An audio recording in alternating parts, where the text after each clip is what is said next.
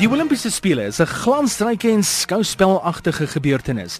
Dit is die grootste sportgebeurtenis op die kalender elke 4 jaar, gevul met geskiedenis, vol van die mense beste prestasies, maar ook vol van vreemde gebeure. Ons loer na 'n paar van die vreemdste gebeure by die Olimpiese spele.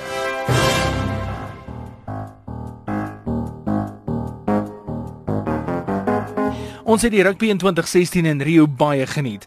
Maar in 1924, die laaste keer voor 2016 se insluiting van rugby, het die Franse teen die FSA in die eindstryd gespeel.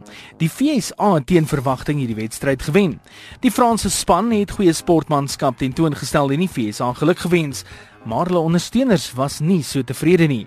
Die Franse ondersteuners het die FSA se reservespan langs die kant van die veld aangeval en dit het, het so erg geword dat die skeieregter met polisiebegeleiding van die veld geneem moes word. Niemand het die maratonatleet Abebe Bikila ernstig opgeneem in 1960 nie, veral nie omdat hy daarop aangedring het dat sy beste maratontyd beter as die wêreldrekord was nie. Bikila van Ethiopië het eers begin hardloop toe hy 24 jaar oud was en is as 'n laaste insluiting in die Ethiopiese Olimpiese span ingesluit net om die syfers vol te maak. Hy is wel ingesluit na een van sy spanmaats onttrek het aan die maraton van 1960 as gevolg van 'n besering.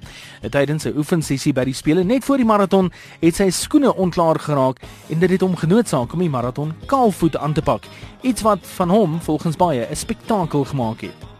Nie net het hy die maraton gewen nie, maar ook die wêreldrekord verbeter in 1960. 'n Dansie gedoen by die wenstreep en 4 jaar later in 1964 teruggekeer en sy Olimpiese titel verdedig met nog 'n wêreldrekord. Henry Pierce was 'n baie kompeterende roeier wat veral bekend is vir sy rekord wat vir 44 jaar staande gebly het. Dit is egter 'n oomblik tydens die 1928 spele wat uitstaan hierso. Pierce het deelgeneem in die roei item en was ver voor toe toeskouers om attent gemaak het op 'n eentjie familie wat oor die kanaal geswem het, kompleet met kleintjies agter. Pierce het geduldig gewag dat die eentjies verbyswem tot die skare se vermaak natuurlik en het verder geroei om uiteindelik die ren te wen. Die laaste storie is nie net vreemd nie, maar ook inspirerend.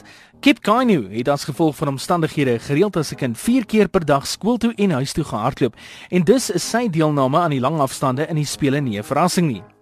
Tydens die 10000 meter item sak hy egter mekaar met erge pyn, maar staan op die maakie wedloop klaar. Hy word gediagnoseer met gaalstene en word deur die dokter aangeraai om te onttrek aan die res van die spele. Hy verbied egter sy mede-deelnemers om na die dokter se raad te luister en hy glip by die hotelkamer uit, klim op 'n bus en vat die pad stadion toe vir die 1500 meter item. Die bus val egter vas in verkeer, maar Kanye besluit hy hardloop sommer van hier af stadion toe. Hy maak dit net net betyds. Hy maak nie net die wedloop klaar nie, maar wen dit met meer as 20 meter wat in die 1968 spele as 'n weghol oorwinning beskou was.